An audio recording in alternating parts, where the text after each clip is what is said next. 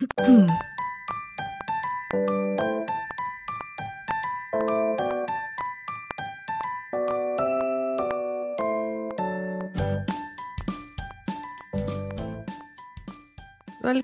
til podkasten Godt ljug, der Ida og Cecilie snakker om gammel film, ny TV og andre gode fortellinger. Jeg er Ida. Ja, jeg er Cecilie, og i dag skal vi snakke om makta. Ja! Ja. da er de seks første episodene er Ja. ute på eh, NRK, eller to ligger ute da, nå på NRK-spilleren.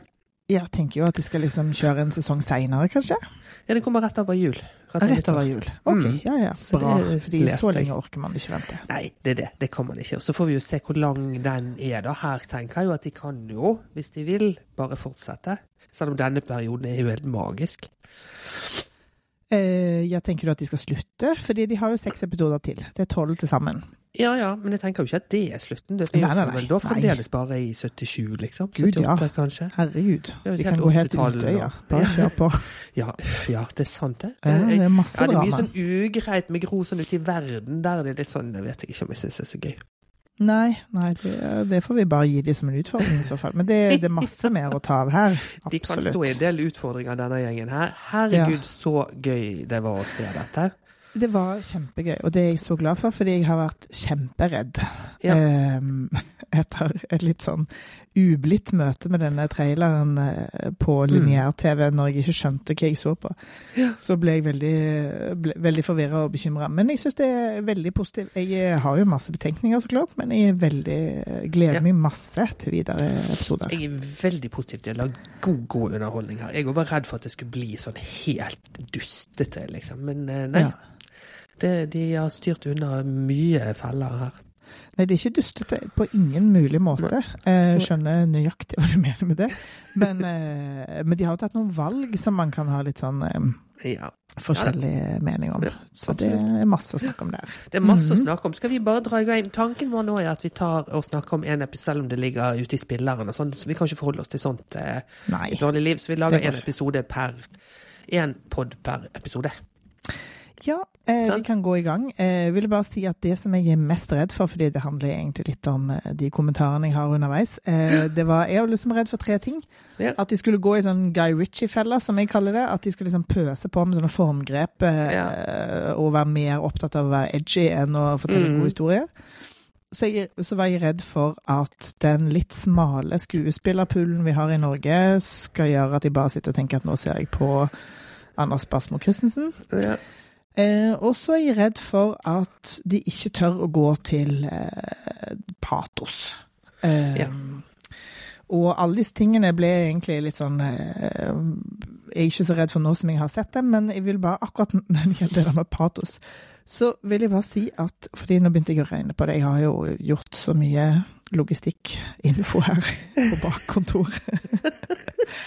Og så er jo dette var en skikkelig grøft som jeg havna nede fordi jeg tenkte, Hvorfor er det så viktig med patos? Jo, det er jo fordi at dette er jo en historie som Vi har jo gjennomlevd den historien. Mm. Sånn at jeg vil at de skal fortelle hva som faktisk skjedde òg, selv om de har anlagt en sånn tøysete holdning. Så begynte jeg å tenke på hm, dette begynner i 1974. Eh, det er 49 år siden. Fra 40, 74 og 49 år bakover i tid. Da, først så regnet jeg feil og kom til unionsoppløsningen, og så måtte jeg sitte med hodet mellom beina et par minutter. Men det, det som er rett, er at vi var da i 1925. Ja, Hva var det som skjedde i 1925? Jeg skal bare raskt trekke opp. Jo, da Norge hadde ennå brennevinsforbud. Kristiania skifta navn til Oslo dette året, og Robert Kennedy ble født. Mm. Så jeg vil bare liksom be deg pause et øyeblikk og tenke på at et spedbarn i dag vil ha den samme, det samme forholdet til denne historien, Ja. Der vi begynner, som vi har til liksom eh, Sulis 1907, liksom. til, Ja, til. Kristiania. Ja.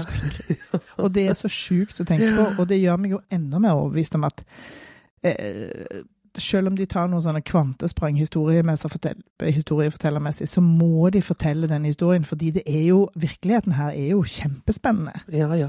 Ja. Det er det. Jeg, jeg ble jo drevet Jeg så de to episodene, og siden det så har jeg sittet med lydbok og hørt eh, Hans Olav Lahlum eh, snakke om Røy Steen. Ja. Den biografien han skrev om han, for, og også drevet av sånn Men hva var det som egentlig skjedde? ja. Eh, Men det, han er jo ingen mann for patos, eh, den godeste Lahlum. Så, jeg- så jeg har liksom kjedet meg litt gjennom fakta. eh, For nå var jeg, Ja. er jeg akkurat kommet til akkurat denne perioden her. For det har jeg vært gjennom mye tidligere og sånt også, selvfølgelig. Men det mye sånn ja, for det er litt sånn hele livet hans. Han Ja, har ikke tatt noen sånne hopp-inn-grep Nei da, der. men så nå er jeg akkurat der som denne serien her ligger.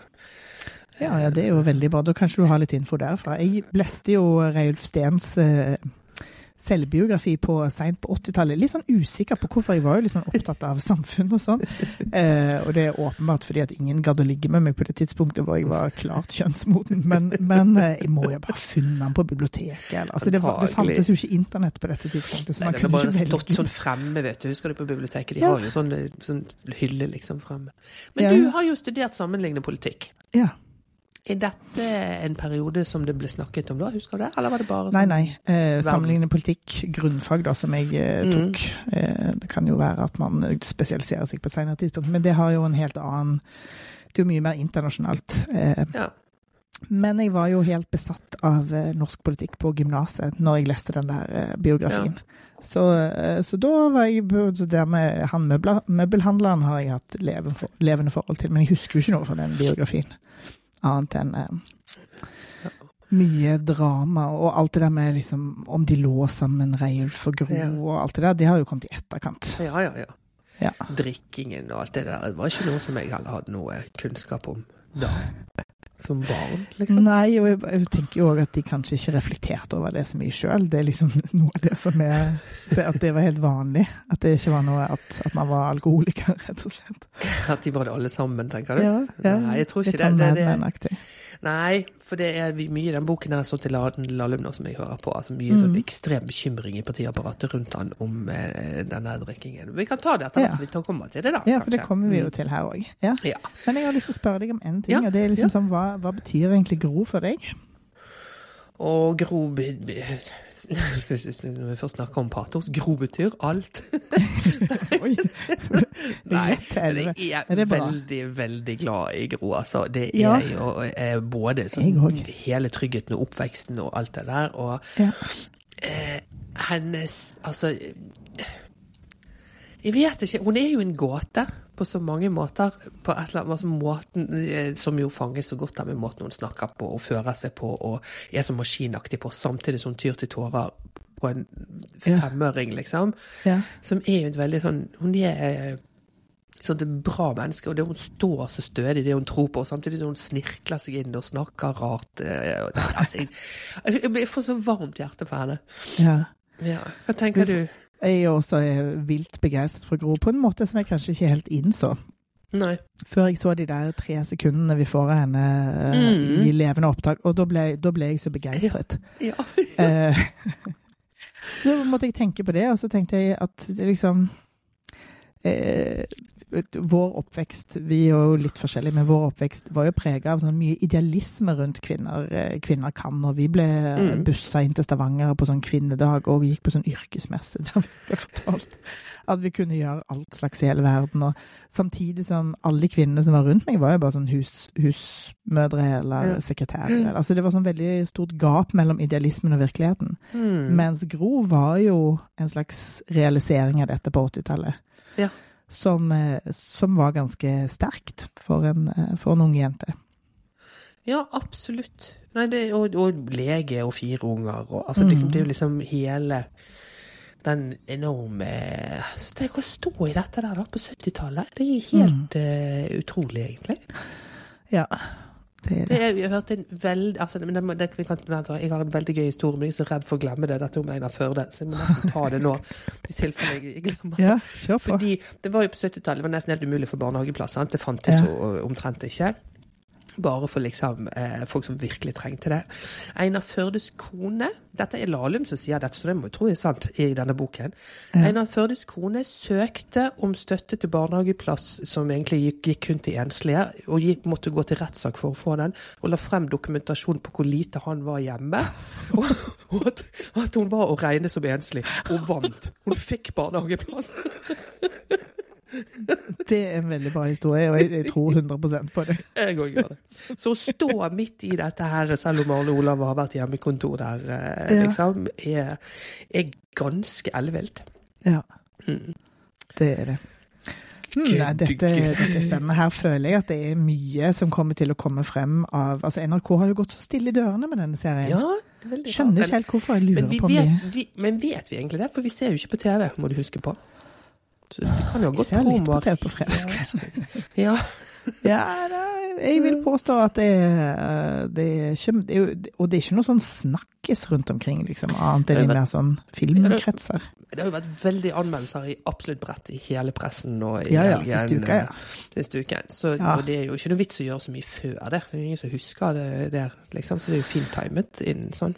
Ja, men det er jo masse ting de kunne ha kjørt opp om hva som faktisk skjedde, og fram og tilbake. Altså, jeg tenker jo liksom at det finnes et løp der, men jeg tenker kanskje at de vil at det skal være en sånn eh, At det skal bli kjent som en snakkis, liksom. At de stoler på Mm. Da får vi håpe folk ser på, da. Ja, ikke sant? Du, altså, hvis du har sett på, så er det jo da, det er jo da du vil begynne å grave, og, og, hva siden de liksom flagger så høyt at her skal du ikke stole på hva som er sant i det hele tatt. Mm. Ikke sant? For det er jo Ja. eh, Basert på sannhet, løgn og dårlig hukommelse er jo det de går ut med, eh, som er en veldig fin setning.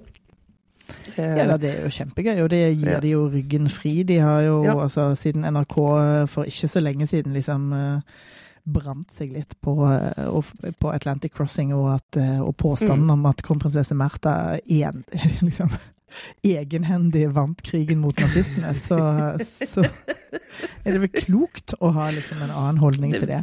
Det er veldig klokt, men det er jo også en helt annen måte å fortelle på. Så det jo, det er Ja men det er jo det som er så gøy med at man blir Det er jo derfor jeg nå har sittet i seks timer og hørt eh, Lahlum snakke om uh, Mm. Selvfølgelig.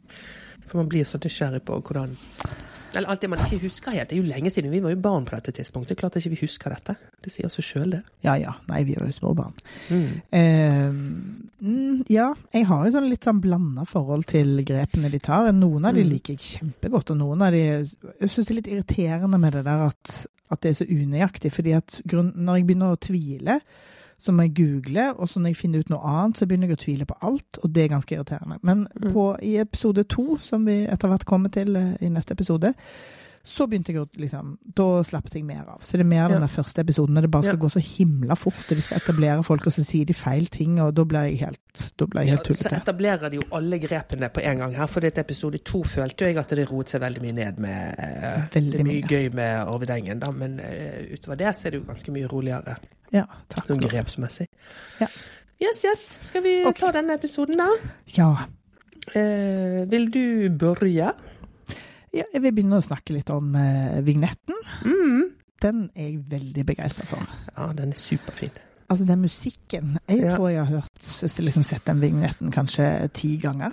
Den Mm. vignetten er, vignettmusikken er så utrolig effektiv, delvis som en sånn eh, airworm som bare setter seg, Mm. og som skiller seg fra, fra mye annet som gjør at den er distinkt. Men den er òg liksom begynner som en sånn gitar eh, begynner med gitar, og så, begynner, liksom, så vokser den til noe sånn skandering.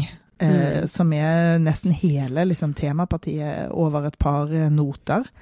Eh, som jo har i seg liksom så utrolig mye med hele fagrørsla og fotballfans og kollektivisme. Og liksom, jeg blir jo så redd av sånn kollektivisme. Så jeg syns òg at det har noe brutalt i seg.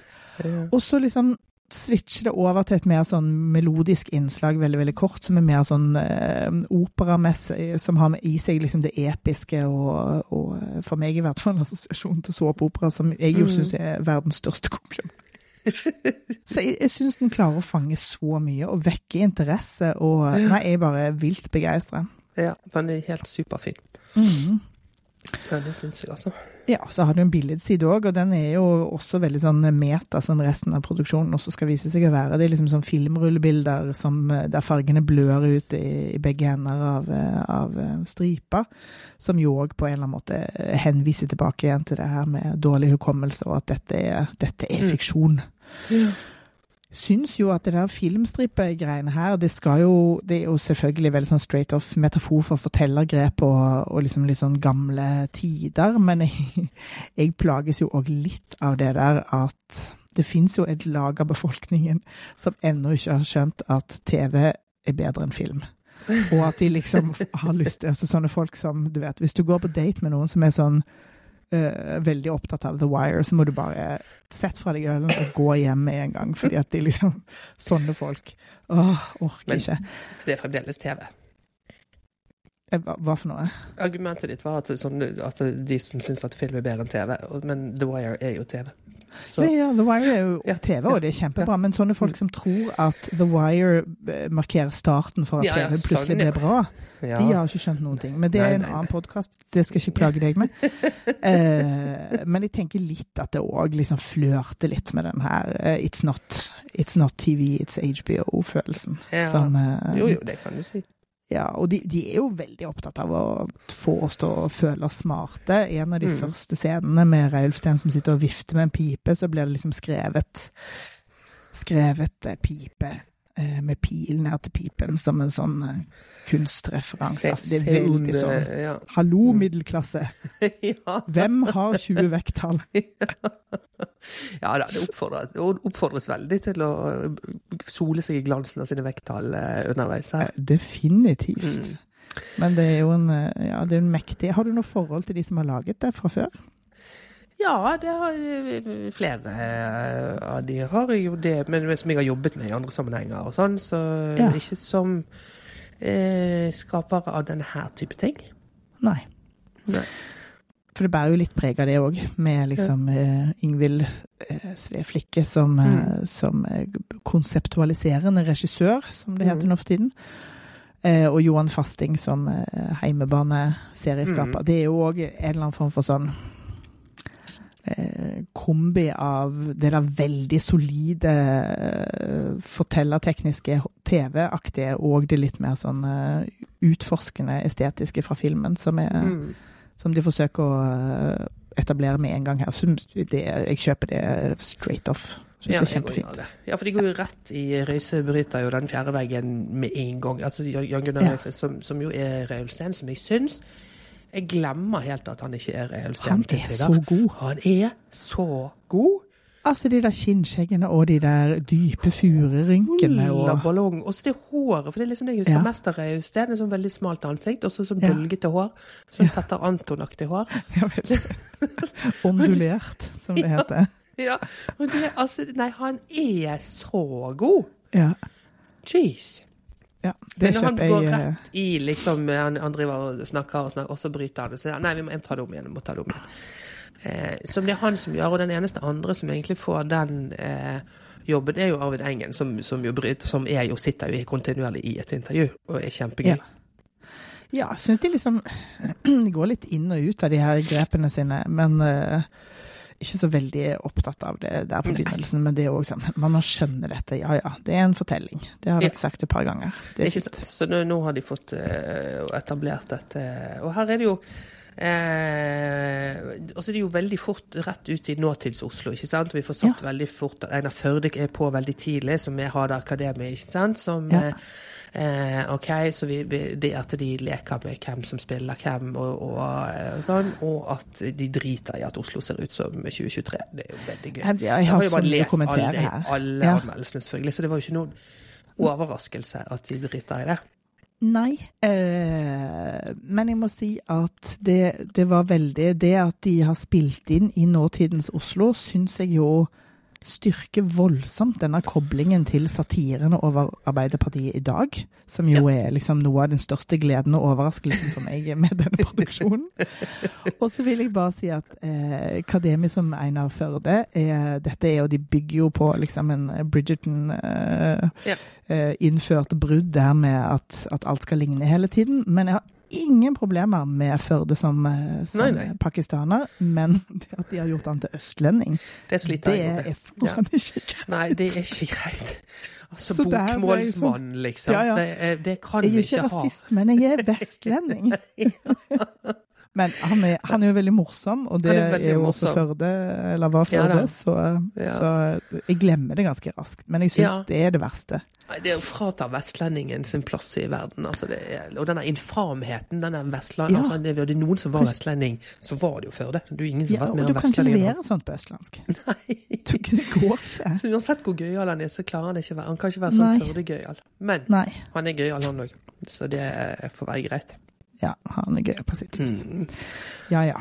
Mm. Eh, og så er det Og så er det veldig gøy med partisekretær Ronald Bye, som jeg helt hadde glemt at var en karakter. Nå Ja. kommer jo på hvordan han så ut. Det var jo det der. Han og Gjerde blander jeg alltid, fordi de hadde Ja, sånn, de de hadde hadde sånn dumt bust, bustehår, begge to. De så, så ut som sånn skobørste. Ja, veldig. Eh, Men, men de har det jo litt plassert på altså Ronald Bye så jo mer ut som et av de her dyrene som man bare ser i Donald Duck-blad. Som liksom Ja. skunk, eller altså som har veldig sånn For han hadde mye sånn i pannen. Mens Gjerde hadde det mer sånn rett oppover. Eh, Veldig men de, gøy, altså, altså. han, Ronald Bye som karakter er jeg veldig, veldig begeistra for. Og så klarer de med og det Generelt så er jeg veldig begeistra for de scenene der de med liksom datidens midler klarer å fortelle veldig veldig mye. Og, og det fins en veldig tidlig sånn glimt når de går inn i en vareheis for å ha en av de her eh, liksom, eh, private samtalene sine. Så, Mm. så tar han nervøst opp en, en leppepomade og liksom ja. trekker over leppene. Han driver med denne leppepomaden flere ganger. Og det er så genialt. fordi at det er ikke så mange måter tidlig på, eller midt på 70-tallet, å fortelle at noen, eh, at menn er forfengelige. Eh, men, men liksom leppepomade Pluss at jeg har ikke sett leppepomade på kjempelenge. Det er liksom et produkt som bare har forsvunnet ut. Men det var jo litt sånn legitimt manne, manneprodukt. Ja, ja det, nei, det kan du si. Vi bruker det masse her i huset, skjønner du. Det er så godt når man er ute i, ute i friluft, holdt på å si. Så vi har, men litt av Ja, Speks liksom. og sånn. Ja, ja. Det Ja. ligger og slenger overalt der omkring. Så jeg syns ikke det var så rart å få gammeldags eh, sånn sett, men jeg syns det grep Altså, det var så enkelt Ja. grep om en ting, hans forfengelighet, men å bare sette, gjøre han så tydelig som karakter. Og Ja. han, han er jo Det er klart, det gir jo han også en sånn svikefull veikhet av altså det er Karakteren hans er jo helt Hele den der partisekretærrollen i Arbeiderpartiet generelt kan man jo Ja. også relatere seg til nåtiden. da. Det er en sånn NRK-rolle av dimensjoner, altså. Ja, klart det. Du har masse makt, men samtidig så driver han jo òg bare sånn Hå, jeg er jo bare en liten administrativ byråkrat. Jeg kan jo ingenting. Men han ble jo liksom lurt litt der til å, til å trekke seg. Ja, ja, ja. Ja. Og så tar de jo også opp eh, også, Hvis vi ikke har skjønt helt sånn nok nå om at de tøyser med, med eh, kostymedramaets eh, krav om etterrettelighet, så er det også 9. juni 1974 og 74 i hermetegn. Så nå er det liksom banket inn i oss på alle måter det går an. ja, dette må jeg overse litt fordi at det irriterer meg, må jeg, Ja. må jeg innrømme. Fordi at det er sånn ja ja, sett deg Ja, ned i båten. båt. skjønt. Ja, det er liksom sette ned i båtene på et tidspunkt. Ja. men da er det liksom Nå er det nesten ferdig, eh, føler jeg. Ja, ja. At de roer Ja, de får det. bare holde på. Seerkontrakt og alt det der. Men det som er veldig gøy her, er jo at eh, eh, Og dette, dette visste ikke jeg om, men at eh, Reulsten løper opp trappen til Arbeiderbladet, som er bare én trapp opp, liksom. For Ja. Man har jo glemt hele den partipresse-tingen. Ja. hva, hva partipresse faktisk betydde. Det var ikke noe hermetegn der, nei. Nei! Og det er veldig gøy. Ja. Eh, fordi at eh, og det, og det hele problemet her er jo Trygve Bratteli som, som, som utløser alt som skjer Ja. her. ikke sant? Som har, driver og sier at han skal trekke seg. Han har ikke sagt det til noen av de andre. Ja, Så vil han trekke seg som. Ja. ikke sant? Og han vil trekke seg da som partiformann, men han skal sitte som statsminister, som jo ikke går. Og så starter alle eh, å spille spillet sitt for å liksom posisjonere seg inn i dette. Ja. Han har jo blitt veldig gammel på dette tidspunktet. Alle vil jo at han skal trekke seg, men fordi at han er av den generasjonen han er, og krigen og alt sammen, så er det ingen som, som har hjerte til å si nå må du gå, nå er du for gammel.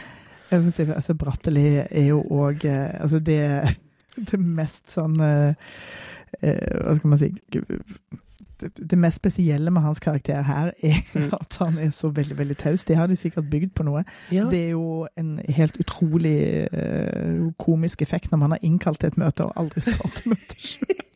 ja. Det er veldig vittig. Men er, i denne Lahlum-boken, som jo nå er i omtrent denne perioden her, så, så var det, det er nok altså han ble veldig fort veldig gammel. Ja. Og det kom litt sånn brått på. Eh, liksom. Ja. Og, og, og, og han ble veldig taus, og han ble Alt dette skjedde. Og, og, og, og så insinueres det vel som sikkert også er sant, at det er jo hans kone som fremdeles har ambisjoner om at han skal sitte. Ja, okay. eh, for hun er 15 år yngre og syns dette er kjempestas. Så hun driver liksom og josser på. og Nei, nei, du kan vel ikke trekke deg, vi skal holde det gående litt. At han vil sikkert egentlig bare sitte i en stol og se ut på fuglebrettet sitt, egentlig. Ja, ja, det forklarer jo ganske mye av disse scenene òg. Men det, Ja. det er jo veldig gøy. Det har jo en, både en komisk og en dramatisk effekt i, i de scenene. Kjempefint. Det er altså så gøy. Ja. Eh, så, og det kommer Skal vi se her hva er det, Ja, det er den der heisen syns jeg òg er gøy. For dette er, dette er sikkert helt sant at de har hatt sånne der snakk om ting i heisen. De var jo så redd for overvåkning den gangen òg, sant. Ja, De var jo det- overvåket også, så. ja, ja, de var overvåket. Det, Ja. det eh, dokumenterte jo Ronald Bye eh, liksom i en sånn føljetong av bøker hele Ja. 80-tallet. Så han, eh, han sugde lenge på den karamellen, for å si det sånn. Ja, for det som skjer her nå, som du sier, det er jo at, eh, at de begynner med et masse sånne bakomspill eh, om hvem som Mm. skal, hvem som skal hva. Um, og så kommer det jo òg klart frem at eh, dette òg handler om de to fløyene i Arbeiderpartiet, Mm. Uh, som, uh, som vi ennå har i dag, på alle mulige måter. Ikke sant. Det er jo masse uh, Altså, det er vanskelig å ikke tenke på Trond Giske når man ser Ja. Reiulf Steen. Ja. Syns du ikke det? Jo, jo, jo. jo. Eh, Eh. sånn apropos liksom eh, Jo, det tenker jeg nok eh, både flørtepus og, Ja. ja og den maktkampen. Mm. Bjartmann Gjerde jeg må jo forresten altså, snakke om det. Han er Ja, for så plutselig god. da kommer Ja. Bjartmann Gjerde på, på skjermen, og da tenker jeg Å, der er Bjartmar Gjerde. Ja, Altså, det er liksom, De venter med tekstplakaten, og det tenker jeg er en, en selvsikkerhet som de godt kan ha. Ja. Eh, fordi han har håret, han har dialekten. Eh, Ja. Det er òg så klart en liten sånn smartinglek for oss som er, har et par år på, på baken. Man blir veldig glad. Nå har det jo liksom gått såpass radikalt til verk med Førde, ikke sant, og tatt, fjernet vestlendingen her, så nå får vi liksom en vestlending kastet inn her, da. Takk og lov. Men her begynner Altså, jeg skal ikke kommentere alle de gangene de gjør dette, men dette var en av de der grøftene som jeg datt i, fordi at han fikk da bli titulert som eh, olje- og energiminister. Mm. Og da ble jeg jo sånn Hæ, det kan jo ikke ha vært et olje- og energidepartement allerede i 74. Måtte google. Viste seg at først var han kirke- og undervisningsminister når vi treffer han i 74. Så ble han industriminister, og så ble ikke Olje- og energidepartementet oppretta før i 78. Og da ble han minister, så klart, for det. Jeg skjønner liksom at akkurat her i denne sammenhengen så skal de jo De skal jo bare kunne trekke på det i de seinere scenene, men da Mm. har vi jo allerede glemt dette. Så det er sånn, jeg blir irritert over at de Mm. gir oss feil informasjon. Fordi jeg Ja. er litt autist på akkurat de tingene. Da går det en halvtime på Ja, ja, ja. Og så er det jo ikke noe, og selv om oljen kommer inn liksom seinere her, så er det jo fremdeles ikke noe han, Hans ståsted er jo industri og arbeidsplasser og utbygging. Nettopp. Mens Gro, som da etter hvert får den jobben som miljøvernminister, er vern og bevaring. Så de står jo mot hverandre. Så altså det er egentlig litt sånn uvedkommende om det handler om olje eller ikke, selv om Ja. Bravo selvfølgelig kommer inn og gjør det til olje. Men han, han, han, han kjemper jo sitt hjørne som industriminister, så det hadde ikke og det hadde sagt akkurat det samme. Vi trenger ikke annet oljeminister. Nei, og akkurat når han blir introdusert så tidlig, så kunne de bare sagt minister, og så hadde det vært fint med det. fordi at det Mm. andre, eh, Ja. det skjønner vi jo underveis i, i, etter, etter hvert som Ja. det går. Eh, jeg skulle bare ønske at de kunne liksom ha de der detaljene på plass. Også det med helseminister, eksempel. Det heter jo ikke helseminister. Jeg skjønner de sier det fordi at det er det vi kaller det i dag, Mm. men det er bare Åh. Mm. Mm. Det, plutselig så vet jeg ikke hva jeg kan eh, stole på. For eksempel sånn som det der med eh, Når vi liksom snart får møte Gro, så sier de at hun har en spalte i Arbeiderbladet om abort. Det klarer jeg ikke å få, eh, å få bekrefta. Stemte det? Så da er jeg inne i en sånn der intellektuell liksom, Ja. grøft der jeg sitter og lurer på ting, og det øh, Det irriterer meg. Ikke Mm. gjør det. Bare Nei. Ha de der tingene på plass. Du trenger ikke påstå at kronprinsesse Märtha reddet andre verdenskrig, men liksom Bare, bare ha de tingene på plass. Det er Mm. fint. Jeg er helt enig. Men hadde hun eh, noen spalte i det hele tatt? Nei, dette er jeg ikke klar å få Tusvik-spalte? Jeg vet ikke. Det kan jo godt Nei. være. Internett i dag klarer jo ikke å fange opp alt som har skjedd i hele verden, Nei. men uh... Jeg har aldri hørt om det før at hun har hatt noen sånne spalte. altså Og jeg skjønner litt sånn rare ting å tulle med, på en eller annen måte. Ja. Fordi det Altså Ja. Hun, hun kan være utmerket ha gått et, hatt et engasjement uten å ha en spalte som, som het Hennes valg, eller hva det nå het. Ja, ja, men hun har jo det, det eh, engasjementet hennes er det jo ingenting å bestride. Det, det, Nei, nei. det, vet man jo mye om, eh, liksom. Men denne spalten ja. Hun fikk avslag, sier de at den spalten har, har hett. Ja. Jeg eh, vet ingenting om det, så hvis noen vet, eller noen klarer å google bedre enn eh, Cecilie, som har prøvd, Ja. Ja, det, jeg tar vi imot. har ikke prøvd kjempelenge, men altså ja, ja. Det er mer det der med Det er ikke så viktig om det er sant, men jeg skjønner ikke hvorfor de sier det hvis det ikke er sant. Nei.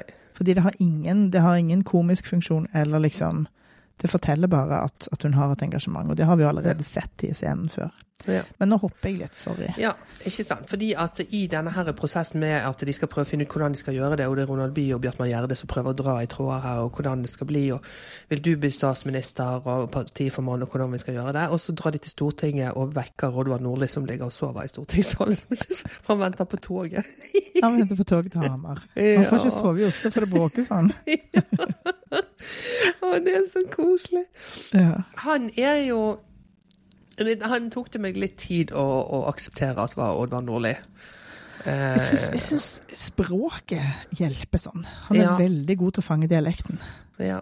Han Nei, er det meste mest er at inni hodet mitt var han så gammel, men han var jo sikkert ikke det. Det bare var det at jeg var et barn, liksom. Ja.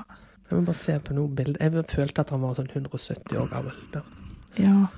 Han hadde så mye sånn poser under øynene. Og... Ja, veldig, veldig mye pose. Og skuespilleren her er jo, liksom, har jo et veldig sånn eh, ungt ansikt, Ja, selv om han er en gammel mann etter hvert. Eh, så det hjelper heller ikke. Ja, så Nei, men han eh, eh, skal vi, se, Hvordan er det nå, da?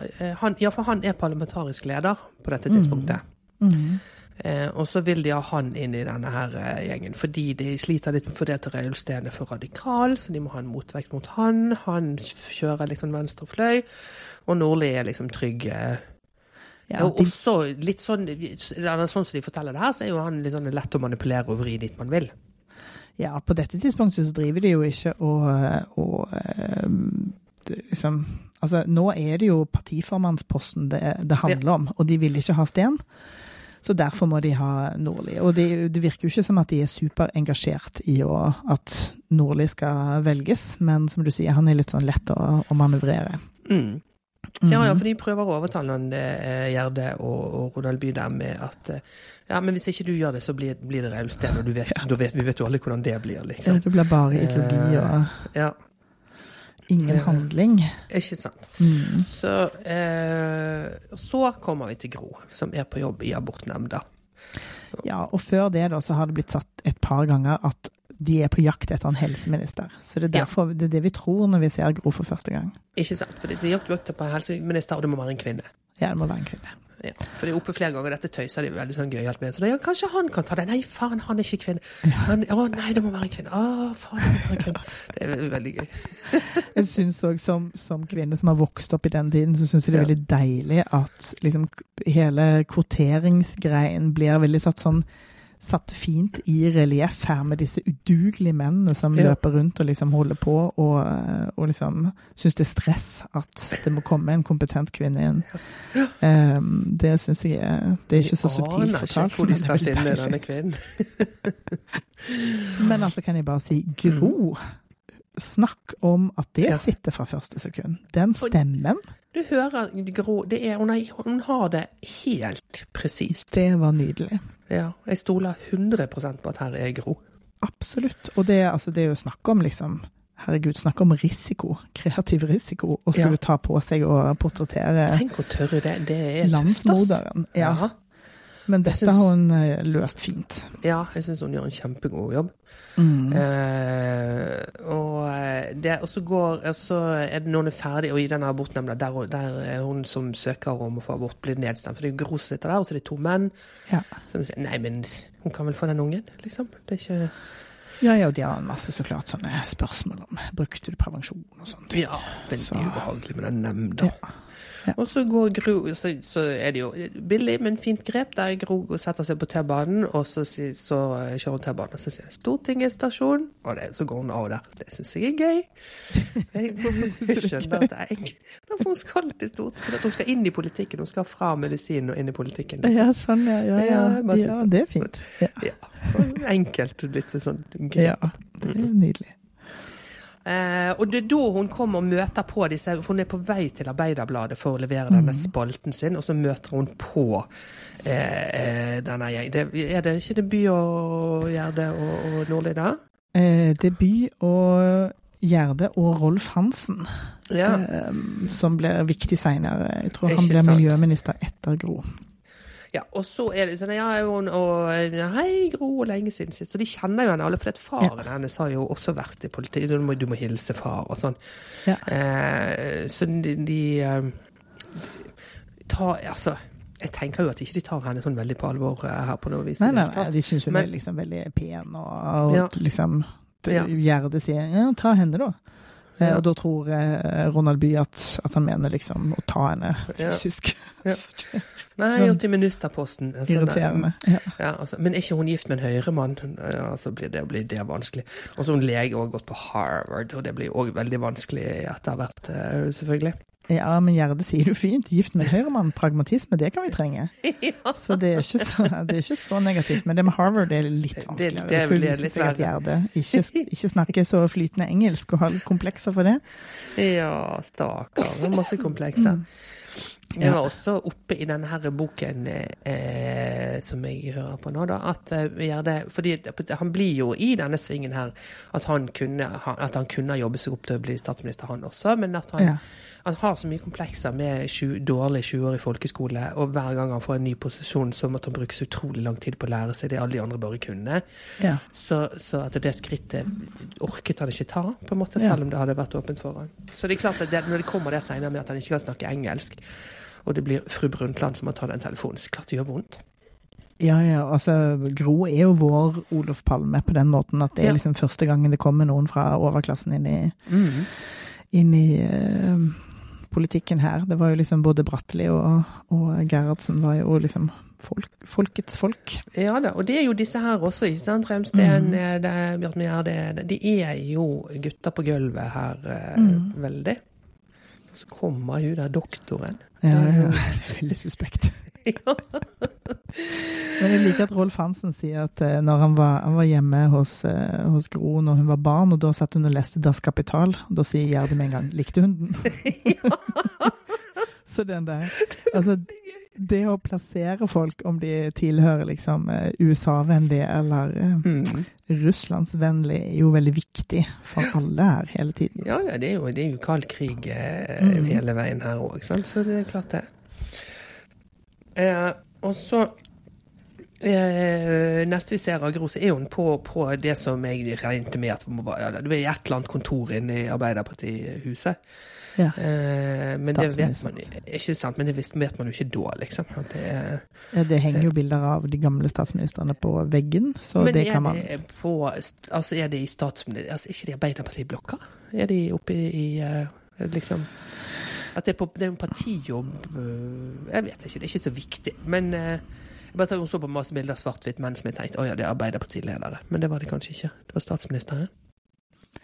Nei, det, eh, ja, det er et godt spørsmål. Fordi at man kjenner jo bare igjen da den som spiller Bratteli og den som spiller Gerhardsen i serien. Ja, ja, to. Så de andre tror jeg er sånn historie. Jeg vet hva, det kan være er Arbeiderpartiledere. Ja. Ja. Det er ikke så viktig. Men er for nå er vi på dette møtet der, der Bratteli har glemt at han har kalt inn til møte, Ja. åpenbart. De. For det er vel første gang vi møter han.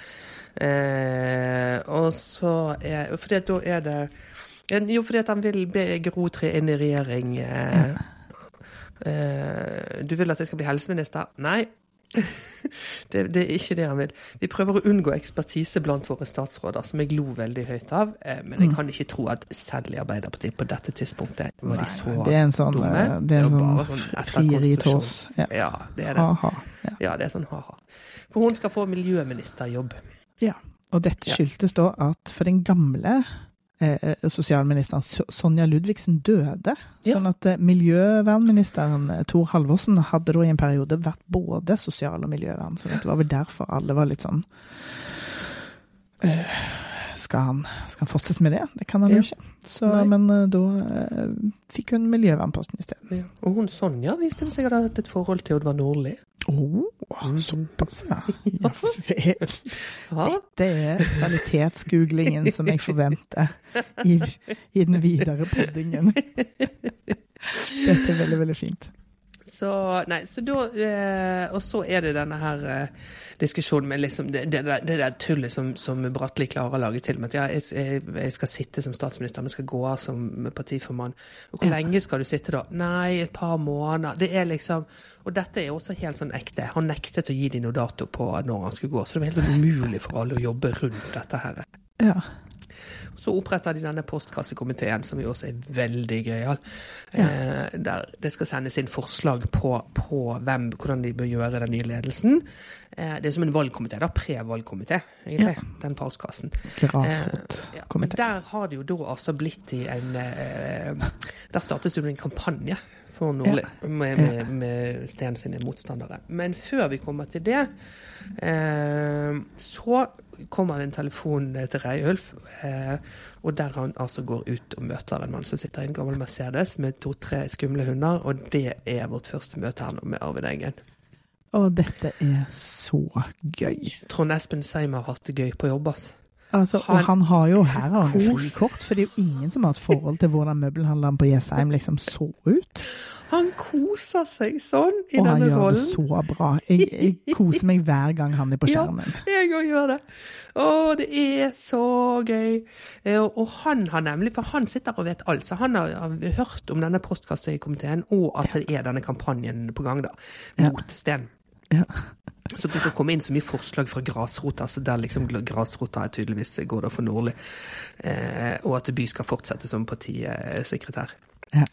Eh, og så sitter de jo de sitter i bilen nede på Sørenga, og alt er helt moderne og gøyalt og sånn. Eh, Ja. der, og eh, han Engen vil tipse Dagbladd. For det har vi jo glemt litt nå, men Dagbladet var jo en gang i tiden en Dagbladet var jo politisk en avis. på det tidspunktet. Det, det er det slutt på. Det må vi huske å nevne for alle barna.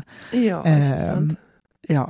Det er, altså, det, igjen her så gjøres det jo noe sånne underlige Det er en sånn split screen, og så går da eh, Fordi de sitter på, på telefonene på et senere tidspunkt, så går eh, så går Engen fra den ene split screenen inn for å hente lighter i den andre, Ja. og tilbake igjen for å tenne Ja. sigaretten sin. Og det er jo sånn eh, Det skal jo være veldig eh, meta for fremdung og alt det der. Jeg syns bare det er kjedelig. Det er bare sånn, Ja. det, jeg syns ikke det er noe gøy med sånne ting. Det er bare sånn, kom dere videre. Fortell historien. Virkeligheten er så spennende her. Det er Ja, helt sjukt. virkeligheten er kjempespennende her. Men det Ja. er, altså, som sagt, jeg syns Trond Espen Seim gjør dette til sånn en fest ja. at her god, jeg godtar absolutt alt som kommer fra Arvid Engen i denne. Sjøl Chesterfield-agenturet Ja, ja, ja, de ene importør av Chesterfield. Klart han tjente masse penger. Ja, det er klart han gjorde det. Ja. Nei, det er altså så gøy. Og, da, da, og han sitter i en, i, i en Chesterfield-stol og blir da intervjuet av en, av en eh, reporter som sitter bak kamera. Og så, eh, så vi skjønner liksom at her er det et intervju, og han forteller sin historie Ja. her, og er liksom veldig sånn løs i formen. Eh, for dette er jo gjennomgående, skal sikkert være det gjennom i alle episodene der. Eh, for han sier jo liksom sånn Ja, nå er det 70-tallet, sant? Eller er det 80-tallet? Eller er det Så han, han bryter jo hele tiden eh, han syns det er så gøy å bli intervjuet. Syns det, for dette var jo hele hans Hvis jeg har forstått han riktig, han er jo en liten gåte. Mm. Men han likte så godt å vite ting som han kunne fortelle videre. Det er det han driver med, for han har jo noen egen vinning i å spre videre informasjon i det hele tatt. Det er bare, Han syns det er så digg å ha all sladderen og være den som kun kan vite. Ja, ja, man tenker og- sånn, her var hans motiv å liksom senke importtollen på Chesterfield-sofaer eller sånn. Det er ingen sånt. Så Han har masse penger, han. Ja, så han er bare med i spillet, liksom. Det er det han vil. Så, klart, så det er et godt grep, syns jeg, og bare at det gjennomgående at han blir intervjuet, som er hans beste posisjon å være i. Ja, Selvfølgelig. det er sant. Det er sant. Og de scenene syns jeg funker, selv om det de er liksom superkonstruert. Og, og jeg trenger ikke at han forteller meg at det er konstruert, for det skjønner vi, men, Ja. men de, det er bare kjempegøy. Ja, det er veldig, veldig gøy. Og så har han jo da eh, åpenbart sladret eh, til Dagbladet, fordi at da ser vi at det er en overskrift i Dagbladet, og disse her eh, kjedebrevene blir da avslørt. Eh, eh, og Gerhardsen blir rasende, for her er det lobbyvirksomhet. For det vil ikke han ha noe av. Jammen ikke. Det er jo veldig gøy hvordan de behandler Gerhardsen her. Ja. Som, eh, jo, man har liksom lest så mye om Håkon Lies eh, påvirkning eh, Ja. eh, på, på de tiårene som fulgte. Men her er det jo Gerhardsen som får eh, skinne. Kanskje vi møter Håkon Lie på et senere tidspunkt. Ja, det kan hende. Det får jeg nesten tro at vi gjør. Ja, det gjør vi. Eh, nei, så da eh, Skal vi se, hva er det de gjør her nå, da, etter det? Jo, det er dette postkassekomité For litt Reiulf-møter? Gro, jeg syns de er veldig fine, syns jeg, med disse første møtene med de to. Ja, man skjønner, man skjønner både det kyniske og liksom den faktiske attraksjonen mellom de. Ja. ja. Eh, Før de møtes, så sier òg møbelhandleren til, eh, til Relf Steen at eh, Men det, hvis du lurer på hva som er greia med deg, så er det liksom ryktene som går om deg, det er damene, det er spriten, og det er nervene. Ja. Eh, Så får vi det òg etablert. Ikke sant? Det er derfor folk ikke stoler på deg. Fordi Ja. det er for mye greier, liksom. Ja. Ehm, og så eh, Nå har de mer sånne møter om hvem skal bli og sitte, og de prøver også å lure Bratteli til å trekke seg, og skal Ronald By gå av, og eh, Der dalte jeg litt av, jeg, en stund. Ja, altså en viktig scene som kommer her nå, det er jo at Gro skal, eh, skal være med på Stortinget på eh, abort. Ja. Eh, diskusjonene. De skal votere om abortloven. Eh, det er masse demonstrasjoner utenfor Stortinget. Mm. Eh, vi får sett Gro i tre sekunder med noen Ja. dokumentariske bilder. Og da, jeg blir så sur når de klipper vekk fra det. Ja, så raskt. det. Det er bare sånn, ikke gjør det. Nei, jeg vil ha mer, mer Gro. Mm. Ja, altså hvis du velger å vise det, så må du vi husker hvordan du ser ut, herregud. Bare la henne, la henne si noe, da. Ja, Hvis ikke, ja, ja, liksom. ja. eh, Nei, Jeg er helt enig. Det forplikter når du Ja. forsøker å ha de der ankerne i virkeligheten. Ja, det gjør det, altså. Ordentlig sur ble. For det viser seg jo her at Reiulf er, er sjef i Han leder likestillingsutvalget, som er jo utrolig vittig. At han Ja, ja, ja, men han er jo Han var jo en venstre-radikal i partiet. Eh, så, så jeg, jeg tenker jo at han var engasjert av ideen om dette. Selv om Ideen? livsførselen Ja, det er det. Det er akkurat det. Det er ja. forskjell på uh, liv og lære her, veldig. Absolutt. Eh, Nei. og han, han så det sikkert ikke som kvinnediskriminerende å drive likemann.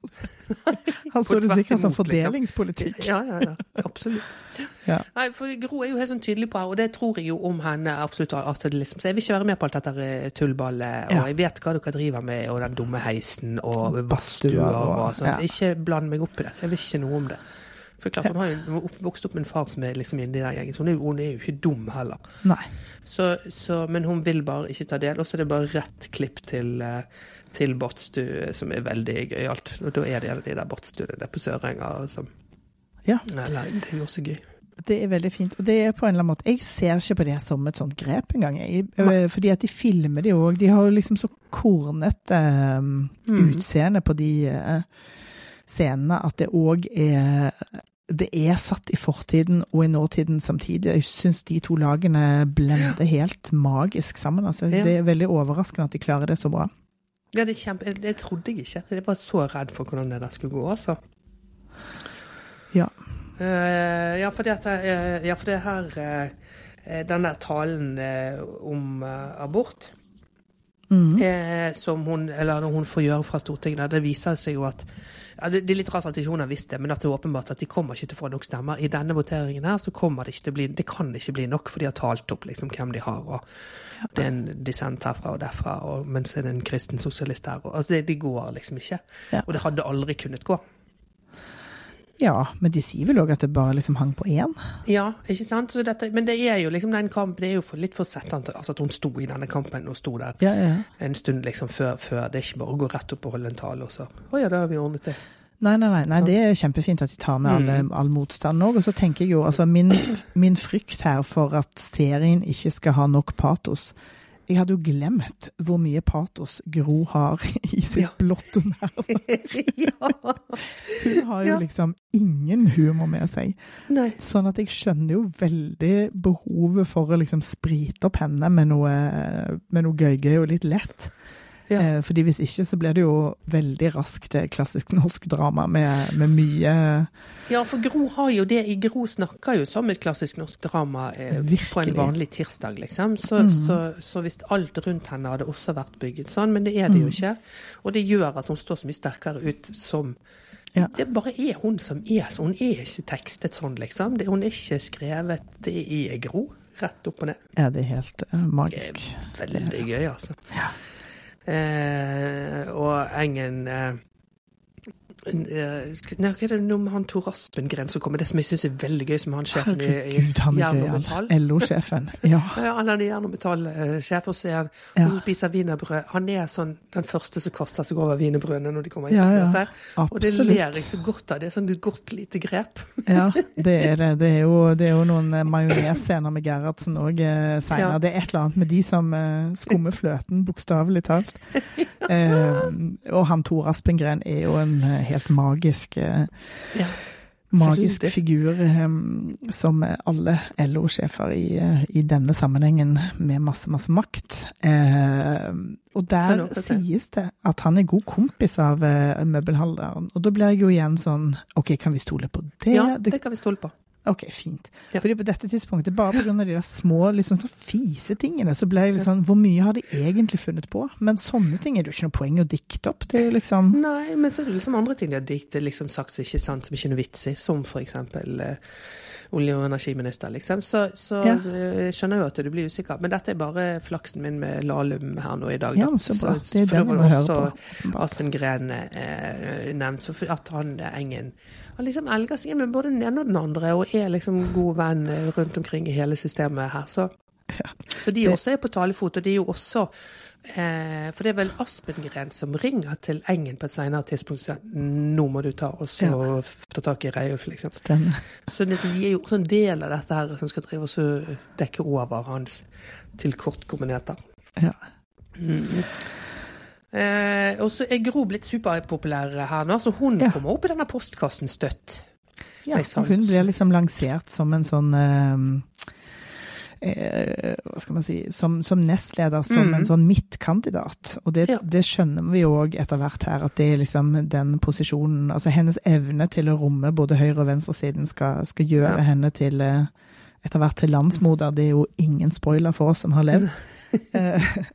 Som, eh, som jo da er den eneste som kan ta over etter Gerhardsens eh, liksom eh, totalgrep. Ja, nei, Så, men det måtte jeg òg google, da. Stemte det, liksom? Ja, det stemte.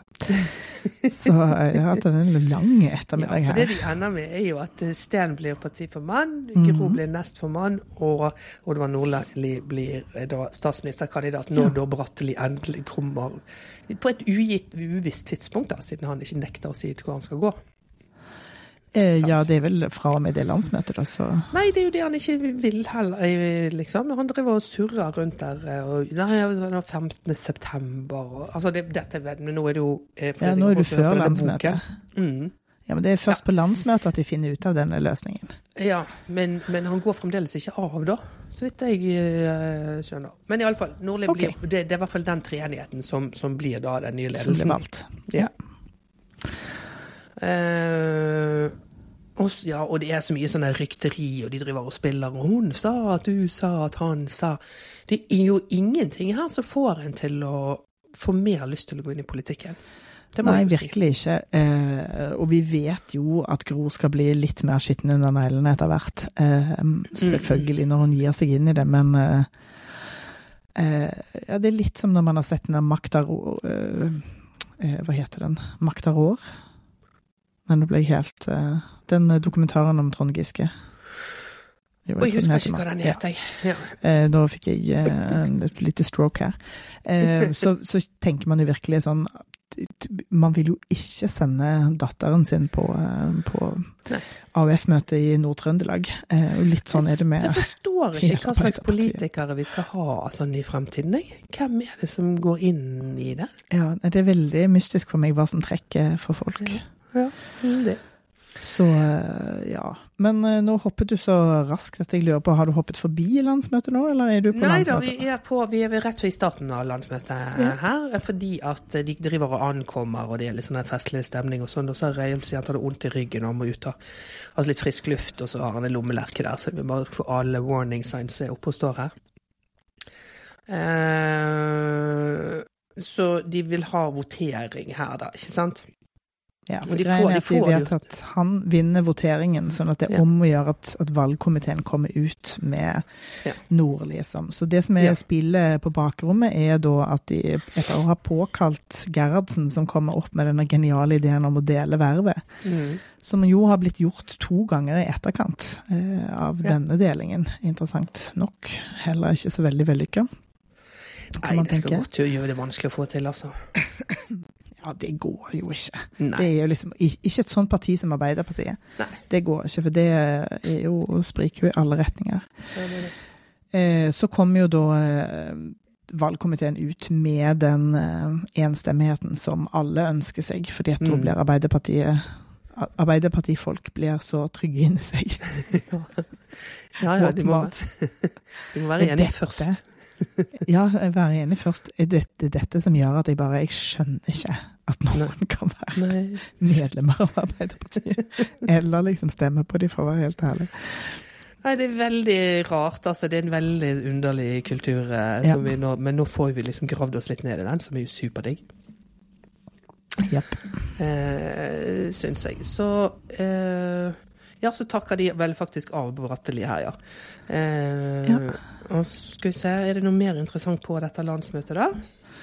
Nei, det er vel sånn avslutningsvis når de, når de holder på eh, å dra, så, så sitter Gerhardsen ute i gangen, og så kommer Gro forbi, og da gir han henne litt, eller han gir oss da, den instruksjonen som hun, eh, hun eh, skal få om at nå, nå er det din oppgave å la de her to Ja. mannfolka dra i samme retning. Ikke sant? Mm. Ja, det er, det er veldig det er gøy med Gerhardsen. Jeg syns han gjør den rollen godt og fnist mye av ja. det. Veldig. Det skal jo også sies at det velges en ny eh, partisekretær. Ivar Leverås, Ja. eh, som jo også får den samme oppgaven eh, overlevert fra by. Hvis du ikke holder begge disse to i øra, så ryker Ja. hele sosialdemokratiet. Ikke sant? Eh, og det kan man jo tenke. Altså, nå Støre har jo vært eh, leder alene, men vi har jo hatt dette med de to nestlederne som, Ja. eh, som har maret i flere generasjoner. Først eh, Giske og Tajik, med god, eh, god hjelp fra LO der i, i Ja. miksen. Og, og nå Vestre og eh, Tonje Brenna, som Nå leser ikke jeg så mye sånn politiske rykter, så jeg tror ikke de har noe dårlig stemning, hva jeg vet. Men de er jo Nei, veldig i hver sin retning. Men det er jo mye altså, Jeg skjønner ikke vitsen med at det skal være to. Nei, men Er ikke det litt sånn at denne kabalen med både partisekretær og, og de to nestlederne, det er jo for å, for å tilfredsstille LOs behov og Alle, liksom. Nord-Trøndelag? Ja, det er det. Det blir litt folk når alle disse hensyn At Ja, alle skal være blitt Det blir jo en skikkelig komité. Å, gud, det er slitsomt, altså. Ja. Ja, Mhm. ja, ja. Nei, men da er det Og så går vi vel ut på møbelhandleren Ja, her. Eh, for dette, da, da sitter han i dette intervjuet og så sier han så, hva er det dette skal brukes til er det egentlig? Er det fiksjon eller er det dokumentar? Og så Ja. sier intervjueren nei, det er fiksjon. Ja, det burde jeg ha skjønt, sier han. Så dette, da har vi jo liksom gnidd inn. Ja, Ja. For ja. han sier jeg er død nå, jeg, eller? Er det 70-tallet, eller er det 80-tallet? Ja. Så, eh, så de har jo altså Her begynner jeg òg å bli irritert på det du har vært irritert på. fordi at de, de, altså Til og med siste setningen er Å ja, det foregår på 70-tallet, men dere filmer i moderne omgivelser. Hvorfor det? ja. Det så, ne, men nå har vi sett over en time av dette, og Det er forholder oss helt fint til det. Du trenger ikke fortelle oss det noe mer De nå. må, ha, de må jo ha hoppet rundt med denne scenen, tenker jeg. Fordi at det er jo liksom sånn Den Ja, tenker det at kunne liksom det- ligger helt først, men Ja, her det er det tenker jeg òg liksom har hatt en funksjon. Ja. Og vi, altså, folk skal være godt bedrukne foran TV-skjermen for å ikke skjønne at dette er liksom Ja. Det er jo liksom operaen og Deichman altså, det er liksom, Ja. Du trenger ikke bo i Oslo for å skjønne at, eh, skjønne at det er nåtid. Nei, nei, folk har telefoner og all slags. Ja. Eh, nei, det, altså det synes jeg, den scenen synes jeg var eh, Selv om jeg, altså jeg vil se Trond Espen Seim i den rollen resten av livet mitt, men Han må få en sånn spin-off, sånn Breaking Bad-spin-off. Hva het den med han eh, raringen? ja, det må han faktisk. Ja. Men uh, det er altså det, Jeg syns det er veldig, veldig irri, irri at eh, de, den ligger der. Den bare ødelegger for meg, da. Jeg har skjønt dette, jeg, nå. Ja. Og så blir det bedre i andre episoder, sånn at jeg liksom Jeg, bare, jeg må bare kvele det, den irritasjonen min. Men eh, de har hatt behov for å liksom For å få oss til å skjønne dette. Det det har Det har nok vært mye diskusjon der, vet du, med hvem som har sagt vi kan stole på folk, eller nei, Ja. folk, folk må ha det med teskje. Ja, og jeg tenker jo det at fordi at jeg leser jo liksom hele, hele markedsføringen igjen som en sånn slags Å, vi vil at de kule skal oppdage det og begynne å snakke om det. Vi vil ikke liksom Vi vil ikke gjøre det for bredt og for mainstream. Og så samtidig så det er det jo NRK, så de skal jo alltid ha med seg alle. Hvis ikke, Ja. så De er jo som Arbeiderpartiet, de er jo liksom så styringskåte. så da må de gjøre det, liksom. Alle må være med. Ja. Ok, men nå er alle med. Så eh, Mm, er alle med. Så da er Mhm. vi eh, Og denne episoden var på litt over en time, og den neste på litt under en time, så jeg. Em, så jeg tenker jo at dette er, hvis man skal oppsummere denne episoden her, litt for mye gni inn og i seg gøye virkemidler, som er litt irriterende. Alle karakterene derimot sitter så bra. ja. Det er så gøy. Og så er det litt forvirrende fordi at det er så lenge siden at uh, detaljene i denne maktkampen uh, Ja. er jo Hvis du er litt sånn lagt an som oss, så begynner jo du å skal prøve å finne ut av det. Ja, altså jeg blir bare sånn helt Det er helt umulig for meg å ikke dobbeltsjekke det. Men nå har jeg, eh, og også siden de driver med hele det der fiksjon og løgn og dårlig hukommelse og Mm. all slags. Eh, men nå har jeg skjønt at ok, kan, her kan jeg stole på liksom grunnhistorien. Eh, og de grepene de har, de er selvfølgelig av litt mer sånn eh, dramaturgiske og episke karakterer, at de rusher forbi en del ting, men det er òg eh, rammehistorien er, er sann. Og det gjør meg jo glad, for dette er kjempespennende og viktig. Ja, det er jo det. Ja. OK. Nei, men da har vi eh, tommel opp for episode én. Gleder oss til neste episode. Og neste episode av podkasten òg, ikke minst. Ja, nå skulle vi jo slippe en liten nyhet i dag. Ja, ja fordi at vi var jo så nervøse. Vi hadde jo ikke noe tro på dette. Det må Vi hadde si. ikke tro på det, Nei. det må vi innrømme. Jeg hadde ikke tro på dette jeg heller, for bare åtte timer siden. Um, sånn at vi hadde en plan B om at fordi det var jo så gøy å snakke om reality. Ja, det var kjempegøy. Og så begynte vi å snakke om først Vi kan jo slippe begge de to nyhetene, kan vi ikke det, da? Jo da. Jo, og si at ok, men, ja, men det kommer sånn bake-TV på NRK. Det er gøy, det kan vi holde på med.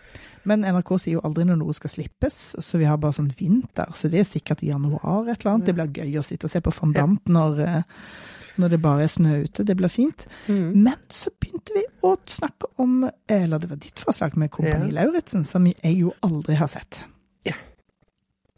Så det skal vi gjøre.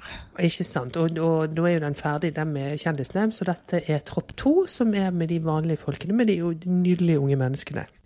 Men vent litt, siden jeg ikke har sett det. Er det derfor det heter Tropp 2? For det skjønte jeg ikke. Har Ja. dette vært gjort før med vanlige mennesker? Ja, en gang. Det gjorde de også i fjor. Å, ja. Så det har vært én gang før gjort med vanlige folk. De gjorde vel to runder med kjendiser først, som gikk superbra. Mm. Eh, og så gjorde de tropp to, og så har de vel gjort én til med kjendiser, som gikk nå på TV eh, tidligere i høst. Og Ja, så kom jeg syns det er så kjedelig. OK. Ja. Eh, Ja, det er de Ja vel, ja vel. som er gøy. Ja. ja, neimen fint. Ja, dette er jo så spennende å se helt for første gang. ja. Eh, og jeg har grått så mye allerede. Ja. Ja. Og det er det jo to episoder som er sluppet allerede, så vi kommer til å uh, lage et par episoder av podden for å komme i kapp med den. Ja. Så skal vi prøve å følge den også sånn noenlunde uh, i rett tid. Ja, og det tenker jeg dette blir en bra miks med litt sånn Nå tror jeg det blir mer patos i Kompani Lauritzen i og for seg enn i Makta, men litt sånn eh, litt lettbeint, litt uh, Ja. kvalitetsdrama. Det tror jeg blir en bra miks for oss. Ikke sant? Ja, det tror jeg òg. Det, blir veldig spennende. Ja, det litt travelt, men nå er det jo sånn, blitt eh, høst. Nå er vi jo bare inne likevel, så da kan vi jo Ja, en ikke god noe å holde på med i hagen eller noe, Nei, så det er jo bare fint. Så lenge du kan holde deg i landet, så, så klarer vi dette, tenker jeg. Vi tenker òg at det er liksom en litt sånn eh, utfordring til oss, siden vi heter Godt jugd og er liksom fokuserer på nettopp det der med, med det å det å lage noe troverdig som, Mm. er, som griper oss. Så er det fint å, å ha ting på begge ender av skalaen. Ja, absolutt. Nei, det gleder jeg meg til. Okay. OK. Da sier ja. vi takk for i dag. Ha det bra.